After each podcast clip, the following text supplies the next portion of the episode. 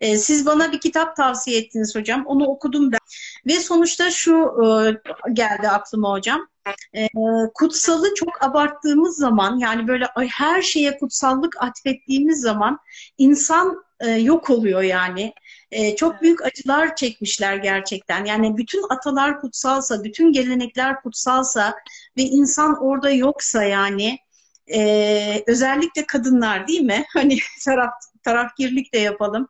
Çok büyük acılar yaşamışlar.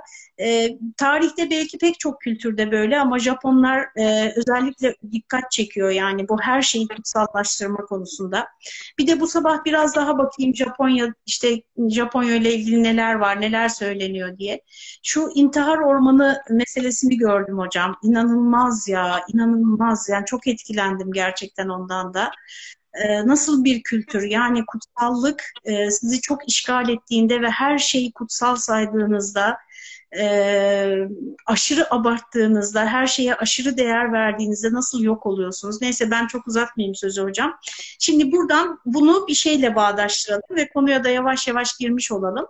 E, iki uç var benim anladığım kadarıyla. Bir, işte ataların ruhlarından, işte belli mekanlardan, geleneklere kadar her şeyin çok kutsallaştırıldığı ve insanın yok olduğu bir sistem var. Daha çok geleneksel dünyada. Yanlışsam lütfen düzeltin. Öyle görüyoruz.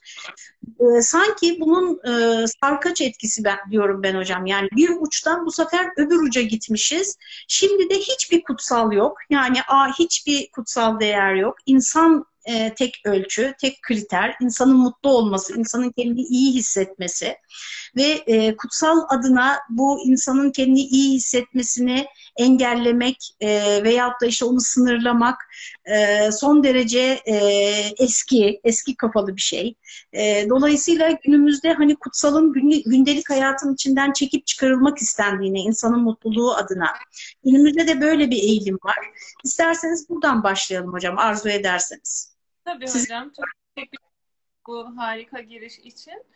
Ee, biz hocamla başlığı belirlerken Türkiye, Amerika ve Japonya üçgeninde kutsal algısı dedik. Çünkü gerçekten kültürlere göre e, kutsal deyince ne anladığımız değişiyor.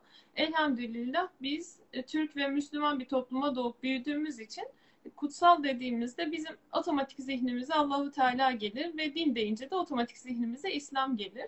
Ben de böyle bir topluma doğup büyüdüm ve e, din eğitimini de pek çoğumuz gibi kurumlarda yani önce ailede hemen arkasından İmam Hatip'te ilahiyatta aldım ve ilahiyattan sonra da Allah bana ilahiyatta yine hocalık nasip etti. 15 yıldır da akademisyenlik görevime devam ediyorum. Diğer taraftan şöyle bir gerçek var. Seçtiğim alan daha doğrusu bana nasip olan alan din psikolojisi oldu.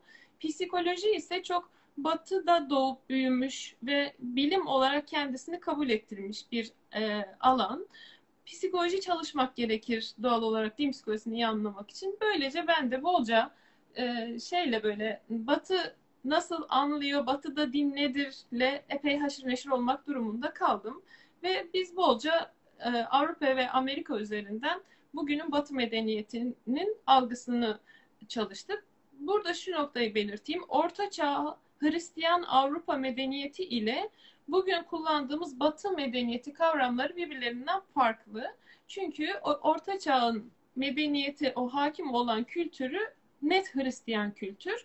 Bugün bahsettiğimiz Batı medeniyeti ise işte 17. yüzyıl aydınlanmasından sonra bütün kutsal algısını değiştirip gözle görünmeyen ne varsa Tanrı, ruh, cin, şeytan bunların hepsini yok sayıp kilisenin otoritesini devre dışı bırakıp kendisi yeniden dünyayı keşfedip bilimsel yöntemlerle dünyayı yeniden böyle ıı, anlamlandırma sürecine girmesinin adıdır aydınlanma ve bugünkü Batı medeniyetini doğurmuştur. Şimdi ben Türkiye'de çalışırken bu meseleleri çok fazla İslam kültürü e, benim içine yetiştiğim, benim zihinsel kodlarım ile psikoloji literatürünün tamamının üzerine oturduğu id, ego, süper egolar, böyle kendini gerçekleştirme kavramı ya da çocuğun kişiliğinin ta 6 yaşında oluşması, bu yüzden annelerin çok dikkatli olması gerektiği gibi bilgilerle Batı'yı tanımıştım ve Allah nasip etti doktora çalışmam sırasında Amerika'ya da gittim. Türkiye-Amerika karşılaştırması üzere bir doktora çalışması yaptım. Sonrasında ben yüksek lisans dersleri vermeye başladım ve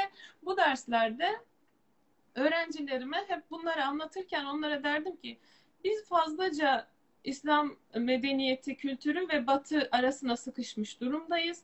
Dünyada pek çok farklı kültür ve tarihte pek çok farklı medeniyet var. Bunların da çalışılması gerekiyor. Hadi gençler göreyim sizi. Biriniz Afrika'ya, biriniz Uzak Doğu'ya diye hep söylerdim. Ama başıma geleceğini hiç tahmin etmiyorum. Söz vücut bulurmuş hocam. Ağızdan çıkan söz vücut bulurmuş. Dediğiniz gibi oldu. Hiç ummadığımız e, vesilelerle Allahu Teala bize Tokyo Camii'nde bir görev nasip etti ve Ocak ayından beri ben e, Japonya'dayım. 6-7 Şimdi oradaki ay. sıfatınız ne hocam? Bak e, çok özel değilse. Yani orada konumunuz ne? Ne? E... Aa, hocam olur mu? Estağfurullah. Ben e, Tokyo Camii ve Diyanet Türk Kültür Merkezi'nde misafir öğretim üyesi olarak davet edildim. Hmm. E, Marmara Üniversitesi'nin İlahiyat Fakültesi'nde ve camisinde çok e, aktif çalışmalar bulunduk.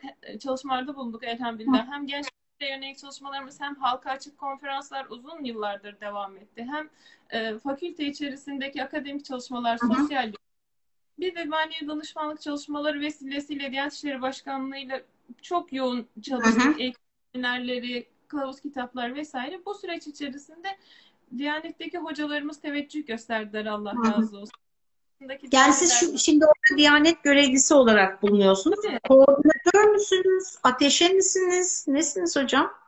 Yok hocam ben vakfın daveti üzerine geldiğim Hı. için Toplu Camii Vakfı'nın görev daveti tamam. ve Bakanlığı'nın resmi görevlendirmesiyle buradayım. Hı hı. Resmi görev değil ama geçici görevlendirmeyle çeşitli araştırmalar yapmak ve danışmanlık Harika bir taraftan anketlerimiz, mülakatlarımız, bir taraftan o çalışmalar devam ediyor. Ama ben kendimi birden Japonya'da buldum ve bir tek telefonla böyle hocam Japonya'yı düşünür müsünüz? dendiğinde bunu bir ihtiyaç olduğunu düşünerek saniyesinde tabii neden olmasın hocam siz teveccüh gösterdiyseniz Allah utandırmasın. dedim ve birden gözümü açtığımda kendimi burada buldum. Buranın daha öncesinde hep biz Shinto Budist bir geleneğinin olduğunu biliyorduk ve uzak doğu deyince hemen hepimiz gibi ilk aklımıza gelen kavramlar herhalde yoga, meditasyon ve Budizm'dir. Bugün de e, bizim kültürümüzde de değil mi gençler arasında özellikle çok yaygınlaşıyor. İşte o gelenekler geldi işte yoga yaparken bir taraftan namaz kılınır mı gibi güncellemeler var. Gençlerle çalışan herkes bu konulara aşinadır zaten.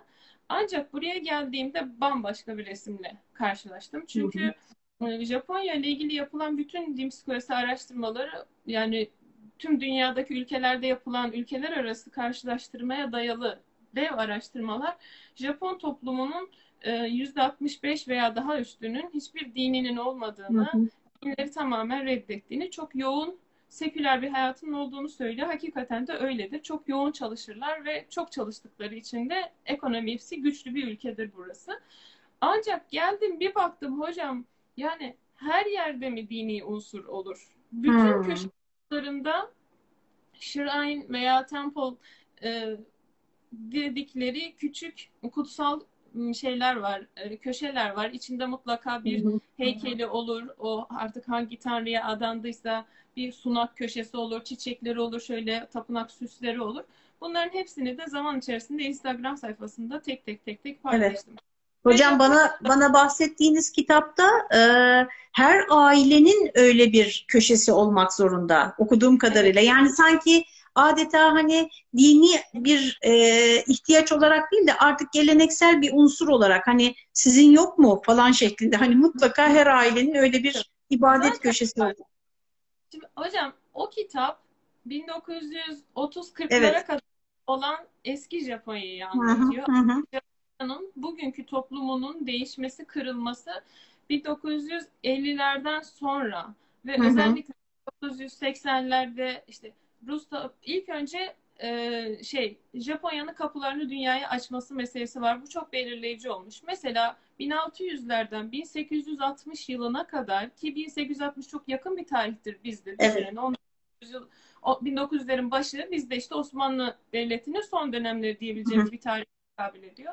Bu süreç içerisinde Japonya'da e, shogunlar denilen bir dönem hakim ve e, böyle Anadolu'nun beylikler dönemine benziyor. İşte o kitap onların hmm. üzerinde. Aileler, aileler demeyelim de hocam aşiret ve kabileler. Klanlar. Hala çekirdek gibi ya. Yani kalabalık Hı. aile grupları köy, köy gibi yerlerde böyle Hı. oturuyor. ve her ailenin kendi geleneği var e, bu aşiretlerin. Şimdi her aşiretin kendine ait yemekleri olur ya, yemek pişiriş şekli olur ya, kendine ait bir dili olur ya. Hani Trabzon'da Evet. e, Erzurum'un konuş Türkçe konuşur da şey. Şive, evet. Bunun gibi burada ailelerinde her sülalenin, her aşiretinde kendi tanrısı var. Haliyle doğal bir şey. Bu hep varmış ve Japonya o zaman bir bütün değil. Bunların hepsinin var olduğu shogunlar yani generallerin yönettiği bir dönem. 1868 yılında im- imparator da var. İmparator tüm ülkenin ortak şey yöneticisi ama şehirli valiler gibi o shogunlar yani generaller yönetiyor ve askeri sistem sistem çok katı. Ee, din olarak benimsedikleri ise atalarımızın e, inancı neyse o. Çünkü Hı hı. ölen ataların ruhlarının hala bu dünyada var olduğuna ve onları Hı hı. gördüğüne inanıyorlar. Doğan bir Japon mutlaka aile kültürünü aile kültürüne hizmet etmek için doğuyor ve yetiştiriliyor. Böyle bir toplumda kadının yeri hani birey olarak bir yeri yok ama erkeğin de yok. Yani o- onun da altını Evet. çizmek ama özgür bir birey. Ben öyle hani canım istedi böyle davrandım diyemez. Hatta bu aşiretlerin şeyi var. ım, Dışlama mekanizmaları var. Evet. Eğer e, aşireti utandıracak bir şey yaparsa bütün hayatı boyunca sıfır hatayla çok iyi bir insan olmalı ve onurlu bir yaşam sürmeli. Onurlu yaşam Japonların bir numaralı temel amacıdır. Bunu yapmazsa mesela ailenin izni olmadan bir başka e, aşiretten bir kızla görüşürse Evet. onunla evlenmek isterse falan e, aşiretin şeyleri katı kuralları var. Ölüm cezasına çarptırabilir veya sürgün edebilir. Yani o aileden kovabiliyor.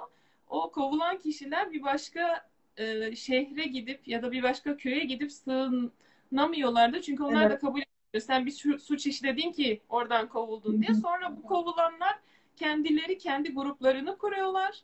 Kovulanlar sürülenlerden oluşan bir şey yeni oluşum kuruyorlar.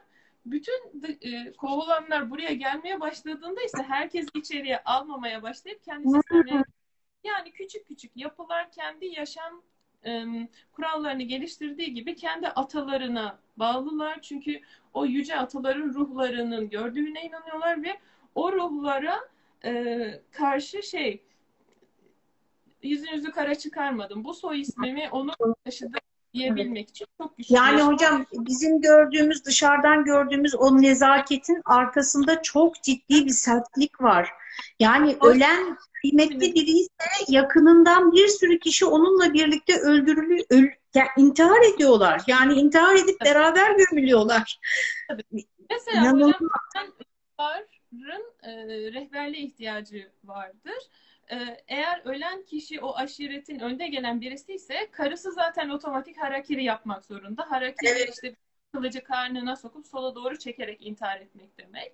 Veya şöyle de bir şey var hocam. Diyelim ki bir ailedeki birisi bir hata işledi. Diğer toplu, diğer bire, e, gruplara karşı çok büyük bir suç işledi. E, üst yetkili şogunlar, generaller o kişiyi ölümle cezalandırdığı zaman onun bütün sülalesini Evet. öldürüyor. Topluca yani kökünü kazımak diyorlar ya bebek, beşikteki bebeğe kadar. Çünkü o bir soy isim. Bunu soy isim üzerinden düşünmelisiniz. Soy Hı hı. ismi zaman o aileye ait oluyor ve onun suçunu da yük- yükleniyor, Evet. onurunu taşıyor. Bugün bile hala Japonya'dan herhangi birisiyle tanışırsanız ve ona isminiz ne dersem ben size dersiniz ki Fatma Bayram.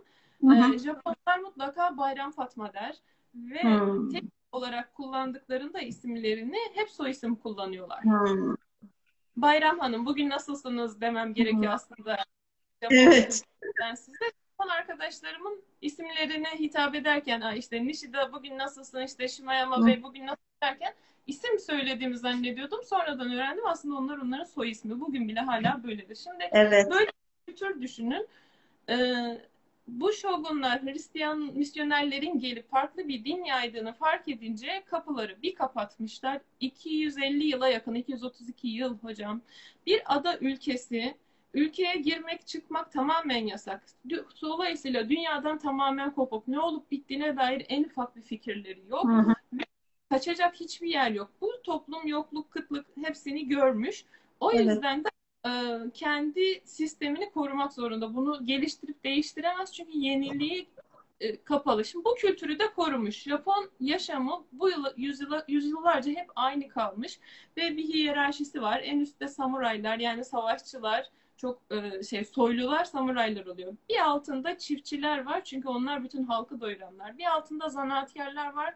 Yani mühendisler diyebiliriz. Günlük eşyaları üreten marangozlar, halı vesaire. En sonuncusu en alt basamağı artık böyle hoş görünmeyenler ise tüccarlar. Çünkü para pulla falan uğraşıyorlar. Para işleri dünyalık hocam. Tüccarların hiç şeyi yokmuş yani. E, havası yokmuş o dönemlerde. Tabii tabii. Böyle bir toplum ve 250 yıla yakın kapalı e, çıkma mesela bir balıkçı diyelim ki Japon kıyılarından gözetleyen kıyıdaki o gözetleme yapan samurayların görüş alanının dışına çıktı. Bir alabora oldu diyelim ki kayıya. Bir rüzgar çıktı. Birazcık şöyle uzaklaştı. Hemen yüzerek geri geldi diyelim. Samuraylar sen ülke dışına çıktın giremezsin diye onu orada direkt kesiyor. Ya yani olay gözü gerçekleşse bile. Şimdi çok sertler bir... çok. Çok sertler hocam. İnanılmaz e, sert. Şartlar onu gerektirmiş. Bir de şöyle bir şey var hocam. Bu toplum kendi kendine yetmeyi öğrenmek zorunda kalmış. Sizin ilginizin olduğunu biliyorum. O yüzden bunu söylemek evet. istedim. Bu kırılan tabakların yeniden birleştirilerek evet. e, boyanıp sanat haline dönüştürülmesi oradan geliyor mesela. Hı hı. Yani tabağı kırdınız nereden alacaksınız? Ülkeye çıkış yok, giriş yok. Onu bir şekilde yeniden hayata katmanız gerekiyor. Bu, bu beraberinde Japonya'da pek çok şeyi geliştirmiş. Bir, sanat çok gelişmiş. Hı hı. İki, çok gelişmiş. Bah Japon bahçeleri hala evet. çok güzeldir ve envai e, çiçek yetiştirilir. İstanbul'da işte, da var biliyorsunuz hocam. Hocam Konya'da da var biliyorsunuz. e, bekleriz. Şey, siz buyurun biz de oraya gidelim inşallah hocam nasip. Hocam peki şeye gele, gelebilir miyiz tekrar? Yani o hani biraz esprili bir şekilde bir Amerikalı, bir Japon ve bir Türk. Hani bu kutsal e, şimdi siz dünyanın iki tarafına da gittiniz. En uzak batıya ve en uzak doğuya ve çok genç bir yaşta ve bir akademisyen bakış açısıyla. Bu çok kıymetli bir tecrübe gerçekten. Allah'ın lütfu inşallah en güzel şekilde hayatınızda hep sonuçlarını görün ve daha e, kuzeye ve güneye de gidin inşallah hocam. Sadece doğuya batıya değil inşallah. evet, evet. Hocam yani karşılaştırdığınızda bu hem kutsala aşırı bağlılık yani geleneksel dünyada hem de modern dünyada kutsalın aşırı dışarıda bırakılması konusunda neler söyleyebilirsiniz? İki tarafı ben, karşılaştırdığınızda. Kutsala aşırı bağlılık e, kavramını çok kullanmıyorum. Çünkü Japonlarda Hı-hı. kutsala aşırı bir bağlılık yok. Ama kutsal Hı-hı. değil de anladıkları şey ne ona bakmamız lazım. Hı-hı. Oradan itibaren gelmiş. Şimdi düşünün ataların ruhları eğer kutsal olabiliyorsa daha burada envai ruh var. O kadar çok ruh var ki gözle görülmeyen var. Bir kısmı bu dünyada yaşamış ve ölmüş, kutsallaştırılmış atalar doğru. Bir kısmı buradaki kutsallık atfedilen e, doğa e, doğal mekanlar. Mesela dağlar, ağaçlar, nehirler bunların bazıları daha kutsal. Fuji Dağı var ve Fuji Dağı kutsal olduğu için ona Fujisan diye hitap ederler bir kimlik atfederler. Hı hı. Bunun dışında başka varlıklar da var. Gözle e, görülmeyen ama herkesin yakinen tanıdığı, bildiği varlıklar. Bunlardan birkaç tane sizin için örnek hazırladım. Mesela bugünlerde biliyorsunuz biraz şeyle meşgulüz. E, korona yani salgınla evet. meşgulüz bugünlerde e, Japonların hemen hepsinden aynı şeyleri duyuyordum. Amabiye. Amabiye'ye dua ediyorlar. Amabiye ne diye sordum. Ve şey çıkıyor hocam Amabiye deyince karşınıza. Üç bacaklı, uzun saçlı, tek gözlü bir yaratık. Bunun bir şekli var. Ve bu salgın hastalıklardan insanı koruyan ruh demek. Yani ruh diye çevirmek daha doğru olur. Kaynaklar peki hocam, peki hocam hem ateist olup hem Amabiye'ye işte dua mı ediyorlar? Önce şunu söyleyelim. Ateist değiller. Yani ateist. Ateist kavramı yüce güçleri reddeden demek. Hı-hı. Ama dinsiz diye kendilerini tanımlıyorlar. Dine bağlı değiller. Evet ama gözü görmeyen o kadar çok ruh var ki bu ruhlara inanıyorlar ve sadece dağlar, tepeler ya da salgın hastalıklar değil. Her olayın bir kutsal tanrısı var. Mesela bir tanesi de tuvalet tanrısı. Bu çok meşhur medyada biraz patladığı için o yüzden örnek vereyim tuvalete girip çıktıktan sonra eğer tuvaleti temiz bırakırsanız tuvalet tanrısının sizi yukarıdan görüp size gülümsediğine inanıyorsunuz mesela. Aman Allah'ım çocukça biraz bir kulaklarımızı. o kadar çok çocukça şey var ki burada eğer bunlara çocukça derseniz aklınız alamayacak kadar çok çocukça şey var, algı var burada. Hocam bir şey bir şey ekleyebilir miyim? Eklemek değil de e, e, sor, sorayım o bağlamda. Umberto Eco'nun bir sözü var. Benim çok ilgimi çekmişti.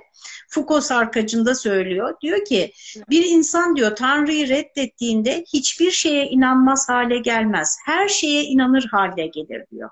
Sanki bunun yani laboratuvarı gibi değil mi Japonya? O zaman evet. öyle anlıyorum. Hocam şimdi ben e, bunları ben de çok düşündüm de şöyle bir şey düşünün. Bir Japon ortak bilincinde tek tanrı diye bir kavram hiç oluşmamış. Yani hani hmm. tanrıyı reddetme gibi bir durumları yok. Tanrı diye bir kavram, tek kavram hiç var olmamış ve aslında size bir şey itiraf edeyim mi burada? Ee, buradaki anlattığım yapı olduğu gibi bizde de var. Şimdi hocam ne diyorsun diyeceksin. Evet.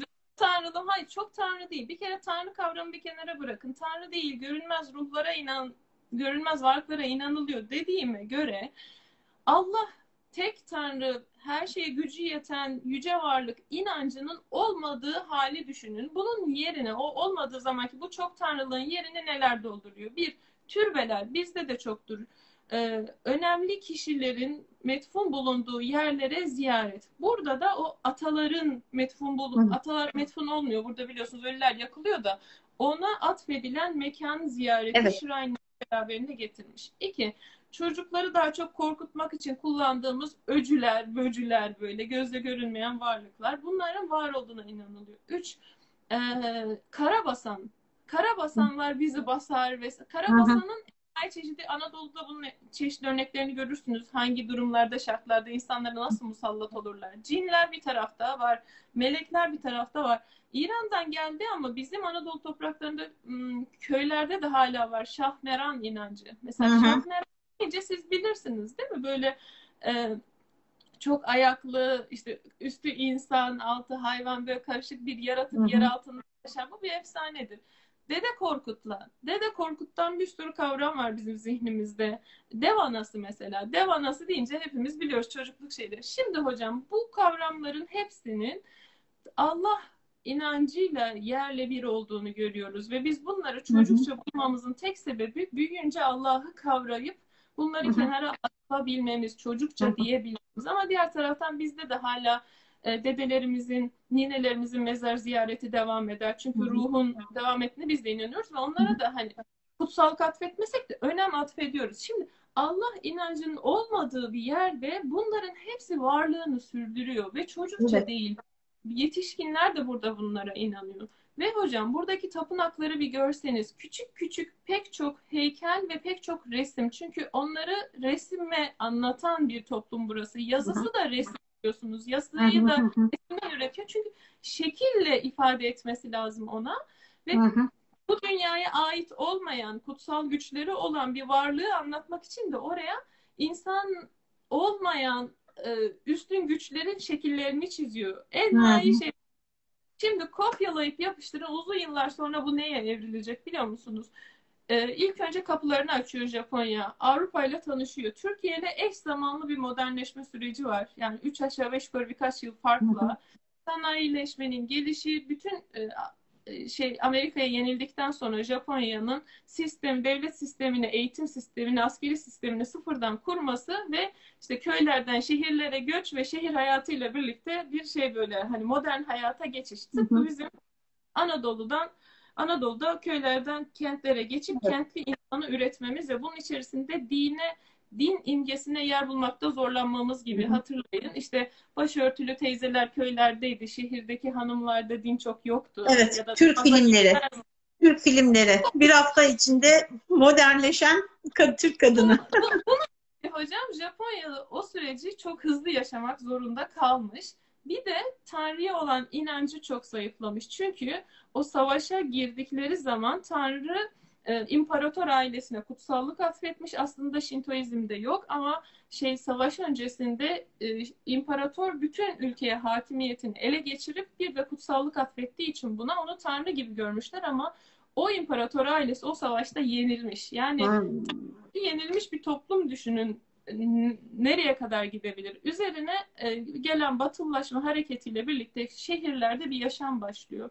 Şimdi buradan itibaren araştırmacılar Japonya'nın bugünkü toplumunun çok seküler olduğunu, dinlere inancın olmadığını, ilginin olmadığını, ruhlara da böyle hani çok fazla inanmadan hayatlarını sürdüklerini söylüyorlar. Doğrular ama şu açıdan katılmıyorum ve e, buna dair delillerim de var. Bunları yazacağız inşallah.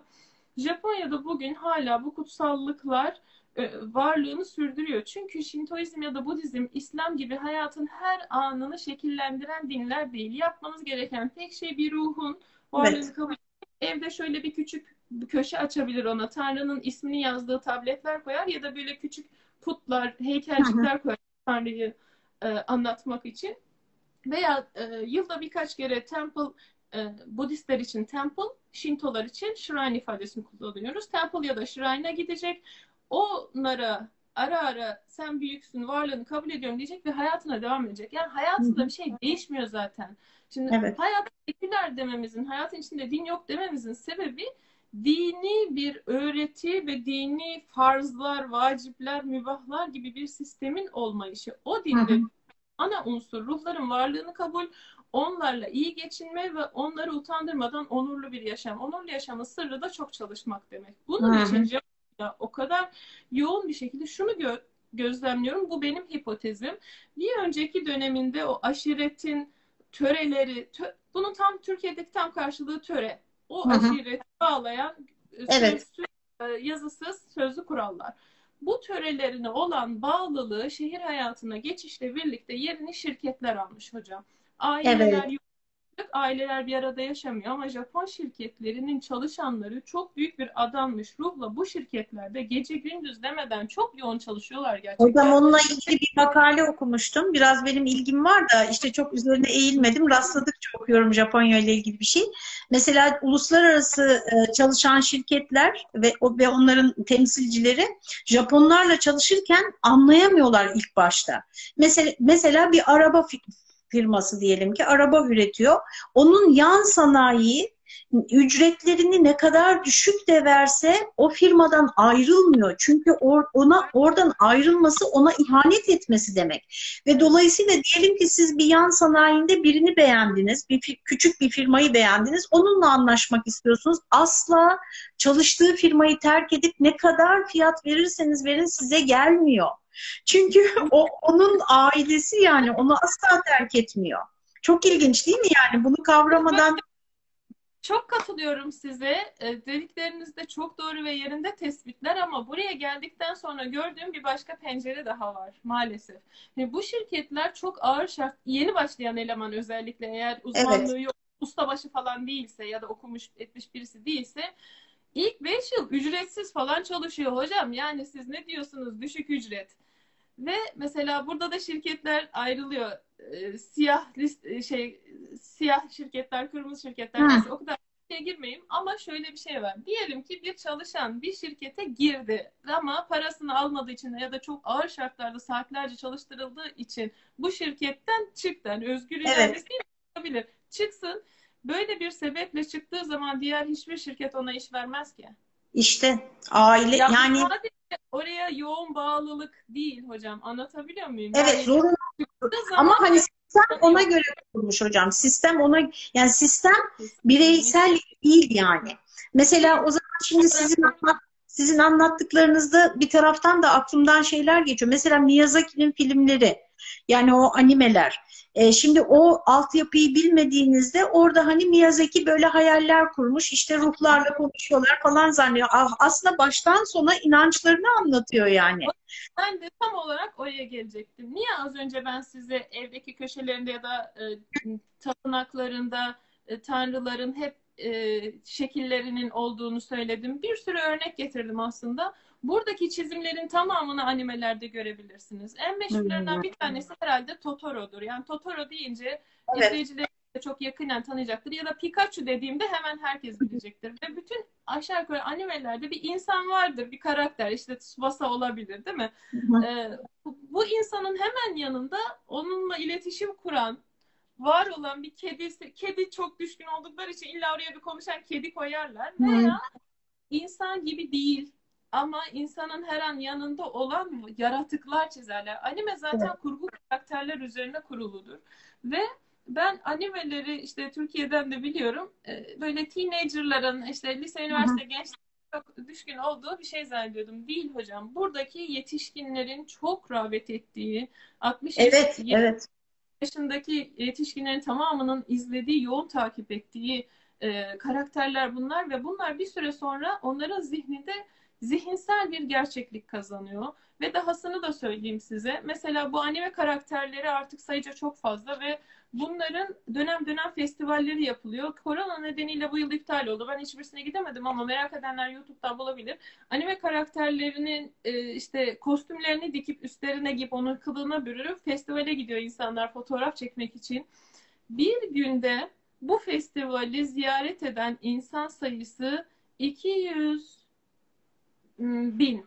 Bir günde 200 bin insanın gidip hayran olduğu karakterle fotoğraf çekilmesi çok inanılmaz bir rakam. Yani evet. Disney bile bir günde en fazla Yani gibi. aslında bu yeni din hocam yani. Yeni bir inanış. Hocam tam olarak bu yeni yeni din kavramı Japonya'da çok doğal ama bu bir din değil. Onlar için yoğun bağlılık. Peki evet. şimdi bugün var biliyor musunuz? Bu anime karakterlerinin tapınakları da yapıldı. Ve artık işte. bunların tapınakları var. Ve tıpkı diğer tapınaklarda olduğu gibi bu tapınaklara da gittiğinizde önce arınma bölümünde arınıyorsunuz. Paranızı atıyorsunuz. Dua ediyorsunuz. Ve, ama diyorum ki bak diğerini anladım. Hani ölmüş olan ataların ruhuna evet. olan kutsallığı anladım. Çünkü o bir gerçek. Buradaki bu karakterin gerçekte var olmadığını biliyorsun. Bir insan tarafından kurgulandığını, onları bir çizenin olduğunu biliyorsun. Ama bu yoğun bağlılık neden? Gerçekte var olmayan bu karakterlere o kadar büyük bir yoğun bağlılık var ki hocam. Hani böyle pop starlara olan bağlılığın e, aynısı ama gerçekte olmayan bir karaktere evet. bağlı. Hocam Her diye bir film var. izlemişsinizdir belki ya da duymuşsunuzdur. O filmi izlemeyi bana görev vermişlerdi. Din ve Hayat dergisinde o filmle ilgili bir yorum yazmıştım. Mesela orada da Siri ile e, randevulaşıyor adam. Yani Siri bir karakter gibi onunla çıkıyor. İşte bir grup e, ne deniyor ona onların bir isimleri var da grup date yapıyorlar. Yani dört kişi mesela iki erkek iki kız işte bir, bir kendi flörtleriyle beraber buluşacaklar. O bilgisayarını götürüyor. Yani cebinden bilgisayarını çıkarıyor. Yani birbirine çok yakın şeyler bunlar. İşte doğuda uzak doğuda animelerle yapılırken batıda da bilgisayar karakterleriyle yapılıyor aynı şey. Dolayısıyla biz gelelim hocam çünkü o son 15-20 dakikamız. Toparlayayım e, hocam ben. Şöyle. Şey evet yani bu kutsalın bütün dünyada e, nasıl hani görüntüsü değişmekle beraber mahiyetinin nasıl değişmediğini ve e, insanın hani size soru dikte, cevap dikte etmeden nasıl soru soracağım diye düşünüyorum. Ee, edepli olalım. edepli olalım. Çünkü bize çok yapılan bir şey. Aman başkasına yapmayalım. Ee, asıl sormak istediğim şu hocam. Yani bu kutsal ihtiyacı evrensel ve asli bir ihtiyaç mı? Dolayısıyla aslı olmadığında eğer asli bir ihtiyaç yani nasıl karnım aç mesela açlık asli bir ihtiyaç, fıtri bir ihtiyaç ve bu açlığı giderecek gerçek bir yemek bulamıyorsam ne yapıyorum? Yemek yerine geçebilecek bir şeyler kullanıyorum. Çünkü doyurmam lazım karnımı. Yani kutsal arayışı da böyle bir şey mi? Aslını bulamadığımızda Hocam, üretiyor muyuz? Çok güzel bir şey. Ancak kutsal arayışında sizin zihniniz asıl olan ve olmayan ayrımını yaparken bu dünyanın insanları ve hatta e, düşünürleri dahi e, asli olan ve olan olmayan ayrımını yapamaz. Ya, hmm. Yani yapmıyorlar. Anlatabiliyor muyum? O yüzden o da kutsal, bu da kutsal deyip aynı e, kutsallık içerisinde ele alınıyor. Halbuki kendiliğinden kutsal olan, İngilizcesinde söyleyeyim holy, e, insanın kutsallık atfettiği böyle sacred arasında bir farklılık sizin zihniniz kolay olabilir Müslüman olduğunuz için. Ama oradan bir çıkın. Ben çok az vaktimiz kaldıysa birazcık da Amerika'yı anlatmak istiyorum. Şimdi Japonya'da din deyince aslında e, böyle görülmez ruhlar, gerçekte var olmayan varlıkların yaşadığına ve dünyada etkisinin olduğuna yönelik güçlü inanç ve bugün hala etkisini sürdürüyor animelerde örneklerini görebilirsiniz. Manga, kitap hali, anime, film hali hepsi bunlarla dolu. Bu, bu Japonya'daki kutsalın genel görüntüsü. Amerika'da kutsal demek, Amerika'da din demek Hristiyanlık demek ya hocam. Oradaki evet. din tamamen kurum demek. Yani birey vesaire falan var. Tek tanrı var. Ee, yani yüce tek tanrı var. Bölünebilir. Baba oğul kutsal ruh ama onu tek tanrı kabul eder biliyorsunuz. Ama din demek kilise ve kurum demek. Yani ben ağaçları çok seven bir insan olabilirim ama çevreyi koruma derneğine üye olup o derneğin etkinliklerine gidip aidatlarını ödediğim zaman bana bu bir kimlik verir. Ben Çevre Koruma Derneği üyesiyim derim artık. Kiliseler hı hı. böyle üyelik sistemiyle çalışır evet. ve oraya olduğunuz zaman siz o kilisenin e, şeyi olursunuz, inananı olursunuz. Mesela ben Amerika'daki mülakatlarımda oradaki yaşayan insanlara bir soru sordum. İşte maneviyatla ilgili algılarını soruyorum. Sordum. Bir de şey öteki algısını merak etmek için soruyu şöyle sordum. Siz kendinizi anlattınız, kendi inancınızı. Tamam bunu yazdık. Sizce diğer dinlerdeki insanların da manevi bir yönü var mıdır diye bir soru sordum. Diğer dinler ifadesini kullandım ve İngilizcesinde de tam olarak other religions diye hı hı. sordum. Yani religion'ı direkt koydum ve bazı katılımcılar e, kendisi diyelim ki Ortodoks ve bunu anlattı, kendini ifade etti. Diğer dinler diye sorduğumda diğer kiliseleri söylüyor. Katolikler evet. öyledir falan dedi. Şimdi evet. Batı Avrupa ve Amerika'da Batı'nın din ve kutsal algısı kurum olduğu için Batı'daki Müslüman topluluklar da, Batı'daki Budist topluluklar da, Batı'daki diğer dinlerin işte Sihlerin vesaire toplulukları da orada dinlerini kurum olarak kurarlar. Bakın siz diyecek misiniz? Yeni duydum haberini. Evet. Yurt dışındaki camilere gittiğiniz zaman orası Türkiye'deki gibi bir cami ya da bir bina değildir. Orası bir kurumdur. Yani vakıftır. Aynı zamanda evet. bir vakfı vardır vakıf kurumdur hocam. Çünkü yurt dışındaki Amerika'da, Avrupa'da yaşayan bir insana siz din ve kutsal konuşursanız eğer onun zihninde otomatik bir kurum canlanır ve siz ona yo kurumsuz da bu iş olur demeniz kalır. Şimdi yeni nesil orada da batıda da yeni nesil hocam kiliseyi reddediyor.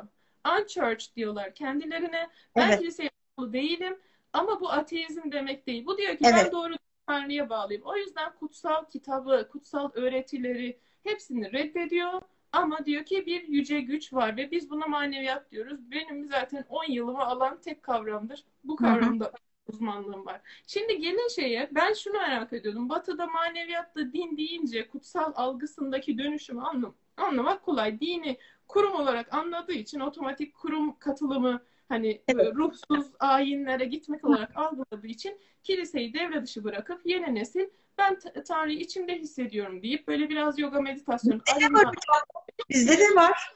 Yani sadece bu kadar hocam, batıda değil. Hocam bakın ben çok değişik bir şey, şeyim vardı benim. Küreselleşme tanımım vardı. Küreselleşme evet. tanımını size de yapayım. Net. Küreselleşme Kıbrıs'taki üniversite öğrencilerinin İngiltere'deki e, fırtına yüzünden okula gitmemeleridir. Evet, evet. Çok alakasız bir şey söylediğimi farkındayım ama bizzat yaşadım. Kıbrıs'a derse girdiğim bir dönem oldu. İstanbul'dan her hafta biz taşımalı usulü Kıbrıs'a derse verip geri dönüyorduk. Bir gün e, Kıbrıs'taki İlahiyat Fakültesi'nde öğrencileri ders vaktinde dışarıda gördüm ve sordum. Evladım niye buradasınız? Dediler ki hocamız gelmedi. Ramazan hocaydı. Derslerine girecek olan hoca Ramazan Hoca'ya sordum şöyle olmuş. Şimdi biz uçakla taşıma usulü geliyoruz ya. Ramazan evet. Hoca havaalanında Kıbrıs uçağını beklemiş ama onun uçağı İngiltere'den aktarmalı olarak Kıbrıs'a gidecek olan uçakmış. İngiltere'deki uçak ise hava muhalefeti nedeniyle kalkamamış. Uçak oradan kalkamayınca İstanbul'a gelemiyor. İstanbul uçak gelmeyince hocayı alıp öğrenciyi götüremiyor. Hoca gelmeyince öğrenci e, boşa çıkıyor ve dışarıda evet. Yani küreselleşme dünyanın birbirine uzak yerlerinin birbirini etkilemesi demek. Evet. Şimdi dünyanın evet. ister Japonya'sında ister Amerika'sında din algısında da dönüşüm varsa bunun Türkiye'de olmaması imkansız. Evet, ama evet, evet. Şunu söyleyeyim mi size? Biraz iddialı ama uzun süredir üzerine çalışıyorum ve e, iddiamda da arkasındayım. Türkiye'deki gençler ne kadar dinden uzaklaşmış görünseler de ne kadar hala size böyle e, dini öğretiyi, ibadetleri reddediyormuş gibi görünseler de dünyanın diğer ülkelerindeki gençlerle kıyaslandığında hala evet, evet. sağlam. Ya, yüzdelik oranlara bakıyoruz, kıyas kabul etmez hocam. Kuzey evet. Avrupa ülkelerinin gençleri tamamen koptu. Tanrı'yı da reddediyor. Otomatik evet. ateistim vesaireye gidiyor. Japonya'da da olmuş. Kutsal olan inancı aileler kopmuş. Aile artık Japonya'da yok. Çünkü genelde şey köyde kalmış anne baba. Okuyan çocuklar hep şehre hmm. gelmiş. Onlar ruhlarla, ailesinin atalarıyla bağını kalben sürdürülse de hayatta olan anne babayla bağ yok. Diğer taraftan Japonya ile ilgili şunu söyleyeyim. Günlük hayat çok monoton, çok renksiz ve çok kuralcı. Ve evet, çok evet. Çok monoton hayatta evden işe robotlar halinde o metrolarda gide gele gide gele bu insanlar boğuluyor kendilerine yer açtıkları rengarenk canlı bir dünya var. Anime, manga dünyası ve hmm. oyun dünyası ve bu oyunlarda o işte internet oyunları yok mu? Hocam Bunlar, internet kafelerde artık yatakhane değilmiş internet kafeleri. bu Hocam, sabah internet sayılarını tahayyül edemezsiniz. Yani ben şöyle bir çarşıya çıkayım dedim Bedesten'e işte bir kıyafet dükkanı varsa, bir yemek dükkanı varsa üç tane oyun dükkanı var. Ve evet. çok insanlar bile saatlerce burada vakit geçiriyor. Yani yatakhaneli VIP odalar, normal odalar, işte daha düşük ücretli odalar, yemek bedava orada oda kiraladığınızda ve aylarca çıkmadan oyun oynayanlar varmış yani orada yatıp kalkarak. Kesinlikle. Şimdi hocam ben olayı şuraya bağlamak istiyorum. Ee, Hazreti İbrahim peygamberin e, bize anlattığını 2020'de biz birebir yaşayacağımı tahayyül etmezdim. Ama bir sürü put var ve bunların içinde bazı putlar diğerlerinden daha kutsal. Buradaki tanrıların da kutsal. Hmm, tanrıların da hiyerarşisi var yani. Olmaz mı? Kesinlikle. Hatta tanrıların tanrıları koruyan ruhları var. Tanrı değil ama Tanrı'nın koruyucu ruhu o ruhların hmm. varlığı falan. Koruyucu ruhlar diyorlar. Ee, bir tek biz bir zihinde eğer tek Allah kavramının olmaması halinde ne kadar çok imgenin, putun bir arada var olduğunu gördüm. Ve Hazreti İbrahim'i benim için değerli kılan hep odur. Kendisine vahiy gelmeden önce sorgulamaya başlayan evet. bir genç. Henüz cevapları yokken yani e, e, tamam bunlar Tanrı değilse e, kendine faydası yok. Omzuna baltayı astın. Hani kırılmıyor tamam anladık. O zaman senin e, Tanrın ne sen anlat dediklerinde cevabı yokken bu adımı evet. atabilmek çok büyük bir e, Hocam tam ya... burada bir soru soracağım hocam size. Siz tabii anlatmak istiyorsunuz ama ben de burada bir, bir bekliyorum heyecanla tam bir yerini bulsam da bir soru sorsam. Hocam e, şimdi bu Tanrı arayışında tam yani bir inanç arayışında daha doğrusu bir açıklama değil mi? Bir anlam arayışı. Yani neden bu dünya böyle? Biz neden buradayız? Bu anlam arayışında herkesin eşit değil hocam şansı. Yani zekalar eşit değil işte e, mesela metafizik kaygı eşit değil. Bazı ruhlar daha böyle arayış içerisinde, bazıları daha günlük hayatla mutlu oluyor. Yani ben öyle bir akrabama mesela anlam arasın diye biraz sıkıştırmıştım bir genç kızı akrabamdan ama ben de genç kızım o zamanlar. Bana dedi ki ya sen hiç üzülme ben çok mutluyum dedi. Hiç ihtiyacım yok anlama falan dedi yani. Harika yaşıyorum ben dedi. Mesela ben çok şaşırmıştım. Yani nasıl hiç anlamlandırmadan hayatını hani ben ne yapacağım, nereye gidiyor bu dünya, işte benim sonum ne olacak bunu hiç düşünmeden nasıl mutlu oluyor yani. İşte her gün çok güzel yaşıyor, çok güzel yiyor, içiyor. Yani metafizik bir kaygısı yok. Veyahut da kaygısı var diyelim ulaşma imkanı yok. Yani kime soracak, kimden öğrenecek. Dolayısıyla insanlar nasıl fiziksel koşullarında ve sosyal koşullarında eşit değillerse bu metafizik kaygı ve bir anlam arayışında da eşit değiller. O zaman ne olacak öbür tarafta halleri hocam? Bizim bir Amerikan, bir Japon ve bir Türk aynı hesabı mı verecek? Çok güzel soru. Teşekkür ediyorum bu soru için. Açıkça siz de çok doğru kavram kullandınız. Ben de aynen iletiyorum. Eşit değiller doğru. Ama zaten eşitlik yok ki. Adalet Hı-hı. var. Evet. Evet. O zaman adaletten kastımız ne? Ee, bir insanların içinde bulunduğu kültür, batıdaki Müslüman aileye doğan bir çocuk, batıdaki bir aileye doğan çocuk ve Japonya'daki bir aileye doğan çocuk evet. kutsal olarak başka şeyler öğrenerek büyüyor ve biz evet. burada o Müslümanlar şanslı doğan nesil gibi görünüyoruz. Evet, evet. Yani, Öyle mi yani gerçekten? Ama çok net bir şekilde söylüyorum hocam. E, eşit olmayan bu şartlar içinde çok ilginç bir hikmet dolu adalet barındırıyor. O yüzden dünyanın neresine doğduğunuz şu açıdan fark etmiyor. İnsan içinde bulunduğu şartlarla e, sorumlu tutulabilen bir varlık. Evet. Ve aslında biz içinde bulunduğumuz şartlarda sorumlu tutacağını zaten Kur'an-ı Kerim'de söylüyor. E, İslam'ı hiç tanımadığı tanımadığı, bilinmediği bir toplumda bir çocuk doğduğu zaman biraz büyüyüp böyle soyut düşünmeye başladığı zaman aslında bunları soruyor. Japonya'da da soruyor biliyor musunuz? Ama eğer o bir, aklına ilk o sorular gelmeye başladığında 12-13 yaşında, 17-18 yaşında mesela üzerine gitmezse bir süre sonra o sorular sönüyor. Evet. Ve uydumcu olarak hayatına devam ediyor. Ama giderse ve muhakkak doğru olarak tek Tanrı'ya geleceğine defaatle şahit oldum. Yani hı hı. Amerika'da ben çok ilginç Hristiyanlarla da karşılaştım. Müslüman olduğumu öğrenince benimle ilk karşılaşması mesela bir arkadaşım beni evine davet etti. Annem seninle tanışmayı çok istiyor çünkü çok dindar bir Hristiyan dedi. Kadın bana kapıyı açtı. İlk söylediği hoş geldiniz. İkinci söylediği şu. Ben de tek Tanrı'ya inanıyorum. Ya. Hristiyan diye beni üç tanrıya inanıyor zannetme ben de. Hocam benim öyle bir karakterim var biliyor musunuz kurgusal adı Pablo.